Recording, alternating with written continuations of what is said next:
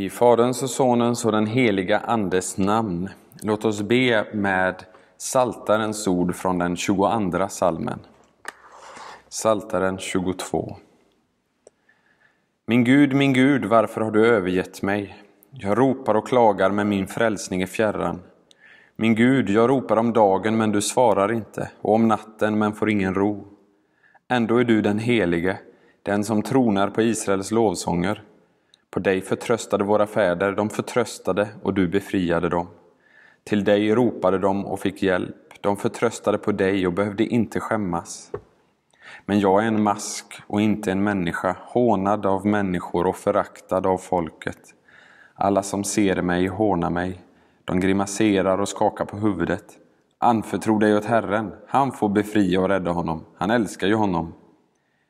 Det var du som drog mig ur moderlivet, du gjorde mig trygg vid min mors bröst. På dig är jag kastad ända från moderskötet. Från moderlivet är du min Gud. Var inte långt ifrån mig, för nöden är nära och ingen hjälpare finns. Tjurar i mängd omger mig, Basans oxar omringar mig. Som rovlystna rytande lejon spärrar de upp sitt gap mot mig. Jag rinner bort som vatten, alla mina leder har skilts åt. Mitt hjärta är som vax, det smälter i mitt inre. Min kraft är uttorkad som en krukskärva, min tunga fastnar i gommen. Du lägger mig i dödens stoft. Hundar omger mig, de ondas hop omringar mig. De har genomborrat mina händer och fötter. Jag kan räkna alla mina ben. De ser på mig, de stirrar. De delar mina kläder mellan sig och kastar lott om min klädnad. Men du, Herre, var inte långt borta. Du min styrka, skynda till min hjälp. Rädda min själ från svärdet, mitt liv ur hundarnas våld. Fräls mig från lejonets skap och vildoxarnas horn. Du bönhör mig. Jag ska förkunna ditt namn för mina bröder, mitt i församlingen ska jag lovsjunga dig. Ni som fruktar Herren, lova honom, ära honom alla Jakobs barn och bäva för honom alla Israels barn. För han föraktade inte den förtrycktes lidande och såg inte på honom med avsky. Han dolde inte sitt ansikte för honom utan lyssnade när han ropade till honom. Från dig kommer mitt lov i den stora församlingen. Jag ska uppfylla mina löften inför dem som fruktar honom. De ödmjuka ska äta och bli mätta, de som söker Herren ska lova honom. Era hjärtan ska leva för evigt. Alla jordens ändar ska minnas det och omvända sig till Herren. Folkens alla släkter ska tillbe inför dig. För riket är Herrens och han råder över folken. Alla mäktiga på jorden ska äta och tillbe. Inför honom ska de böja knä, alla som går ner i stoftet och inte kan hålla sin själ vid liv. Ättlingar ska tjäna honom, kommande släkten ska få höra om Herren. De ska träda fram och förkunna hans rättfärdighet för det folk som ska födas, att han har gjort det. Amen. Ja, då har vi kommit till den andra trosartikeln i trosbekännelsen. Och vi läser den tillsammans.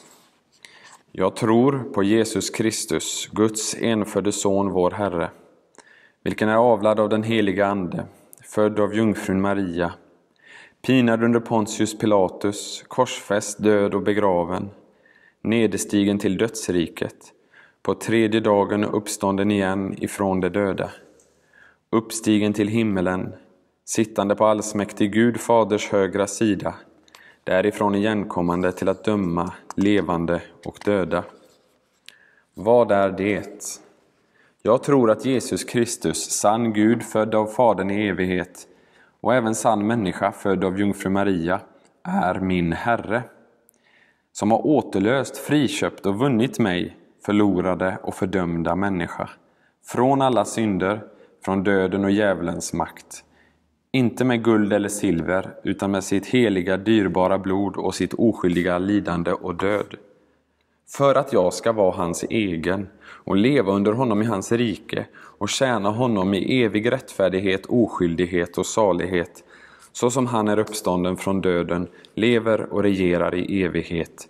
Det är verkligen sant. Ja, då ska vi inför andra trosartikeln och dess förklaring ställa de fyra frågor som vi har gjort varje katekesandakt hittills. Vad lär jag mig? Vad har jag att tacka för? Vad har jag för synder att bekänna? Och vad har jag att be om? Men vi börjar med vad vi har att lära oss. Och det är ju förstås väldigt, väldigt mycket som vi har att lära oss från det här allra mest centrala i den kristna tron. Jesus och hans verk. Men vi kan börja med att säga att andra trosartikeln i trosbekännelsen, det är som en utökad version av den korta bekännelse som vi finner redan i Nya Testamentet. Jesus Kristus är Herren. Redan, eh, den finns till exempel med i Filipperbrevets andra kapitel i, den, i eh, verserna 5-11. Det som är en sorts hymn, en tidig kristen hymn som Paulus där återger.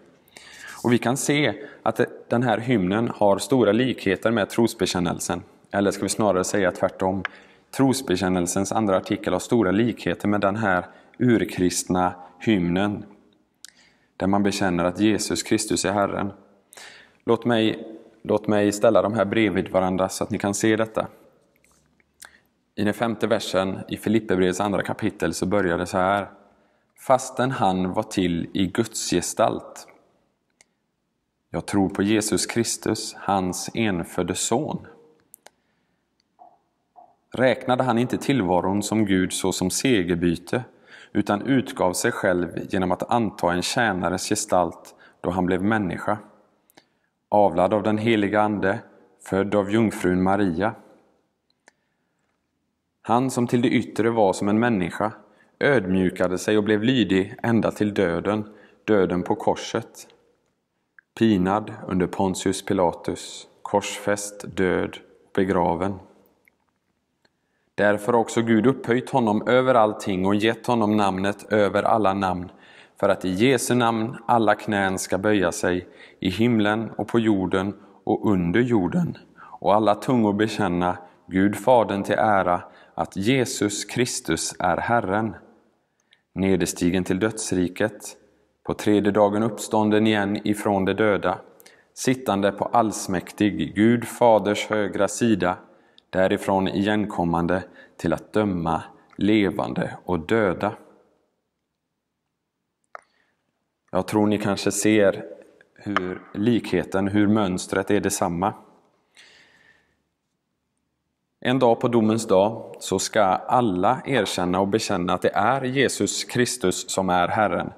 Men fram till den dagen och redan innan den dagen så är det varje sann kristens bekännelse. Jesus Kristus är Herren. Och denna korta bekännelse, Jesus Kristus är Herren, det är det som Luther fokuserar på i sin förklaring. Man skulle kunna säga att det är att Luthers förklaring svarar på tre frågor för varje kristen. Vem är Jesus Kristus, min Herre? Hur blev han min Herre? Och varför blev han min Herre? Vem, hur och varför? Så låt oss kort med hjälp av Luthers förklaring svara på de här frågorna. Vem är Jesus Kristus då, min Herre? En kristen tror och bekänner för det första om Jesus Kristus att han är sann Gud. Det innebär att han i evighet och alltid har varit Gud, Faderns son och därför av samma gudomliga natur som sin himmelske far. Gud kallar honom sin son, kallar Jesus för sin son vid ett flertal tillfällen i, i Bibeln.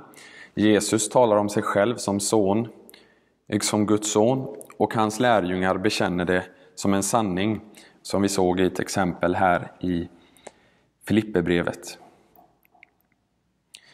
En kristen tror och bekänner för det andra om Jesus Kristus att han är sann människa. Han är avlad av den heliga Ande och har ingen jordisk pappa. Men han föddes av jungfru Maria, en jordisk kvinna. Att Jesus Kristus är sann människa betyder att han är precis som du och jag, men utan synd. Jesus mänskliga natur, hans Eh, mänskliga kropp. Det är inte något som han bara hade under den tiden då han vandrade på Israels vägar och fram tills han uppstod. Nej, i, den, i en kristen bekännelse så innebär det att Jesus han blev sann människa i, i och med avelsen av den heliga Ande och när han föddes av jungfru Maria och det har han förblivit sedan dess. Så när vi bekänner i trosbekännelsen att han är sittande på allsmäktig Gud Faders högra sida så menar vi att en av oss, en av oss, en människa som vi, men utan synd, verkligen har all makt i himmelen och på jorden. Så svaret på den första frågan, är, eh, första frågan, vem är Jesus Kristus min Herre? Det är att han är sann Gud, född av Fadern i evighet och sann människa som vi, född av jungfru Maria. Hur blev då Jesus min Herre? Svaret som Luthers förklaring ger är att han blev min Herre genom att ha återlöst, friköpt och vunnit mig, förlorade och fördömda människa. Så vi hör här att den kristna bekännelsen gäller inte bara i frågan om vem Jesus är, som vi svarade på i den första frågan, utan också vem vi är. Vi är förlorade och fördömda på grund av vår synd.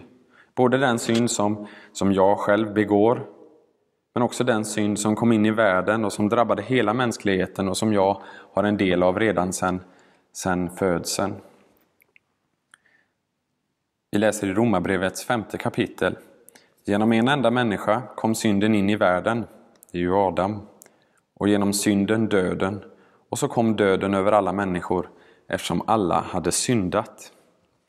Så den här synden som vi har i oss redan sedan vi blir till i, vår, i, vår, i moderlivet, den, den skiljer oss från Gud och gör oss till slavar under synden, döden och djävulen. Vi är av naturen vredens barn, står det i Efesierbrevets andra kapitel. Men det är just från död, synden, döden och djävulen och deras her herravälde över oss som Jesus har befriat oss. Han som är sann Gud och sann människa har befriat mig på ett sådant sätt så att han nu är min nya Herre. Kanske beskrivs detta allra bäst med just det ordet återlöst. För det är ett uttryck som syftar på när man betalar för att få en fånge eller en slav eller någon som sitter i fängelse fri. Man betalar för att köpa någon fri. Och detta gjorde Jesus. Men inte med guld eller silver, som vanligtvis är det som används för att köpa någon fri. Utan Jesus gjorde det med sitt heliga dyra blod och oskyldiga lidande och död. Jesus betalade för att få oss fria med sitt eget liv. Han tog frivilligt min plats på de dödsdömdas bänk, för jag var dödsdömd på grund av synden som jag föddes med och synden jag själv begår. Och han betalade min skuld med sitt eget blod. Det här är vad som ibland brukar kallas för en, en, att vara en ställföreträdare. Att Jesus led och dog som vår ställföreträdare. Och det är oerhört viktigt. För det gör att vi förstår också vem vi själva är och vad vi borde, vi skulle ha varit med om om det inte vore för att Jesus dog på korset. Så därför så behöver vi inte främst säga att Jesus dog för mig, utan snarare Jesus dog i mitt ställe. Han fullgjorde vad vi borde, står det i en gammal psalm. Och den tredje frågan som förklaringen svarar på, varför? Varför blev Jesus Kristus min Herre? Ja, varför ville Jesus frivilligt lämna sin tillvaro som Gud för att bli människa på jorden och dö i mitt ställe. Vi läser i förklaringen för att jag ska vara hans egen. Gud vill inte att en enda människa ska leva under synden, döden och djävulen. Han vill att alla människor ska bli frälsta och återvända från den här hopplösa och fruktansvärda situation som varje människa befinner sig i och komma tillbaka till honom, han som har skapat dem till sin avbild. Så istället för ett slaveri under synden där vi förnedrar oss själva i förhållande till den höga ställning vi har till att, i, i att vara skapade till Guds avbild,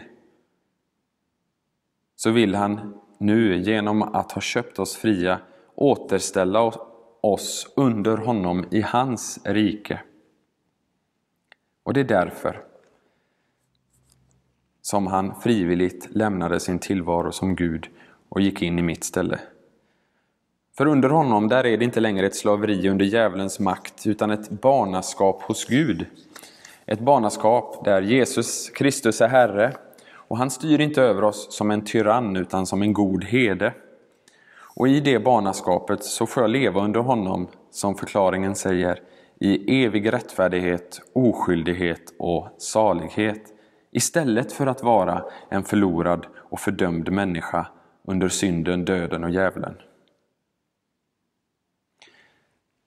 Jesu rike har tagit sin början här på jorden i hans kyrka. Och där kan jag i tacksamhet få tjäna honom genom att tjäna mina medkristna. Som han själv säger, allt vad ni gjort för en av dessa mina minsta bröder, det har ni gjort mot mig. Vad har jag då att tacka för? Ja, vi har att tacka Jesus för att han var beredd att lämna sin himmelska härlighet som han delade med Fadern och den heliga Ande för att bli en av oss och dela våra förutsättningar. Det är mycket som, som vi idag kan konstatera att han också dessutom gick betydligt längre i fråga om fattigdom och utsatthet.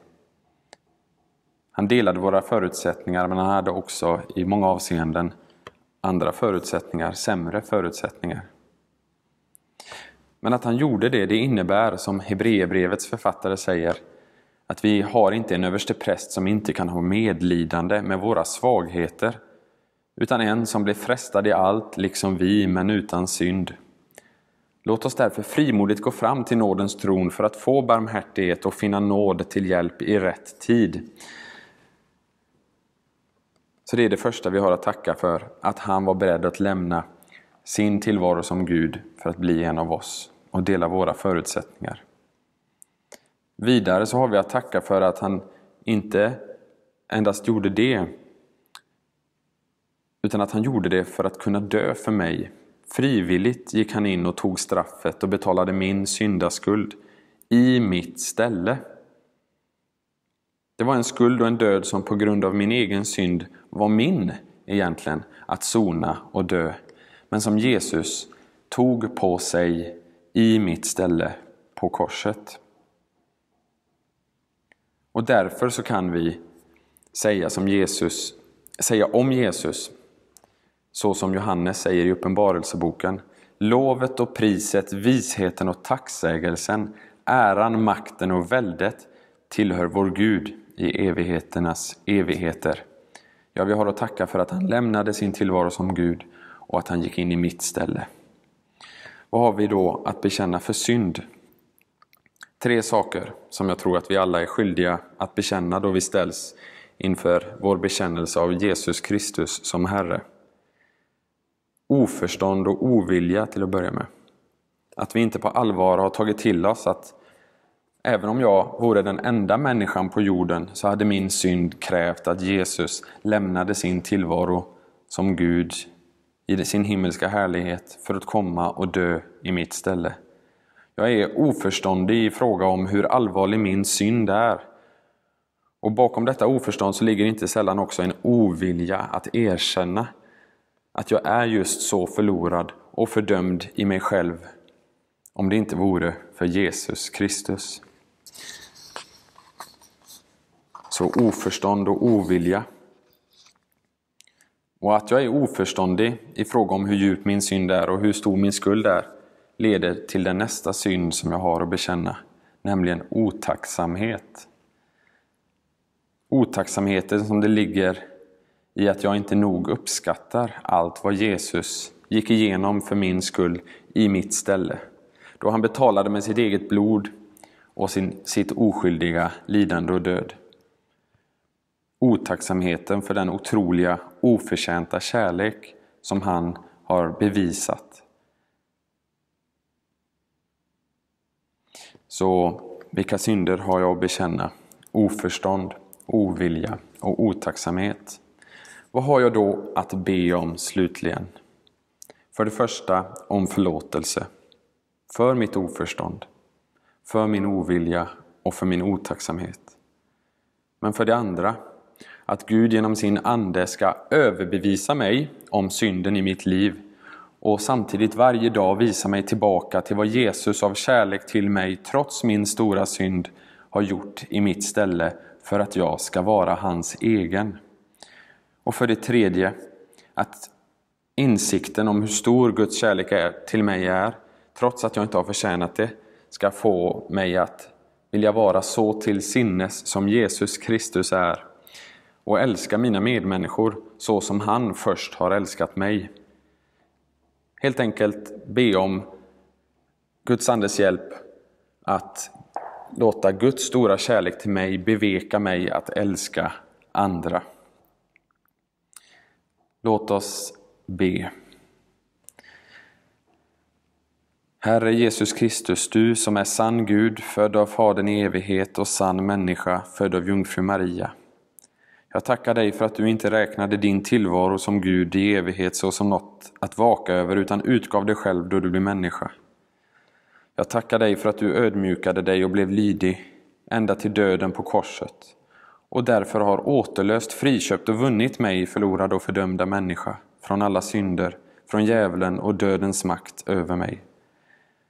Jag tackar dig för att du i mitt ställe inte sparade något utan var beredd att betala med ditt heliga, dyrbara blod och ditt oskyldiga lidande och död. Jag prisar och lovar dig, Herre Jesus Kristus, för att du har gjort detta, för att jag ska få vara din egen och leva under dig i evig rättfärdighet, oskyldighet och salighet. Förlåt mig för att jag inte nog kan förstå hur stor min synd är och hur ovillig jag är att erkänna att jag är en förlorad och fördömd människa utan dig. Förlåt mig min stora otacksamhet gentemot din stora kärlek till mig. Hjälp mig genom din heliga Ande att växa till i tro, hopp, kärlek och tålamod och gör mig villig att, lev, att i den rättfärdighet, oskyldighet och salighet som du har vunnit åt mig på korset leva under dig i ditt rike och tjäna dig i min nästa. Detta ber jag om i ditt eget namn, min Herre och Frälsare Jesus Kristus. Amen. Så avslutar vi andakten med att sjunga psalm 45. Jesus för världen givit sitt liv.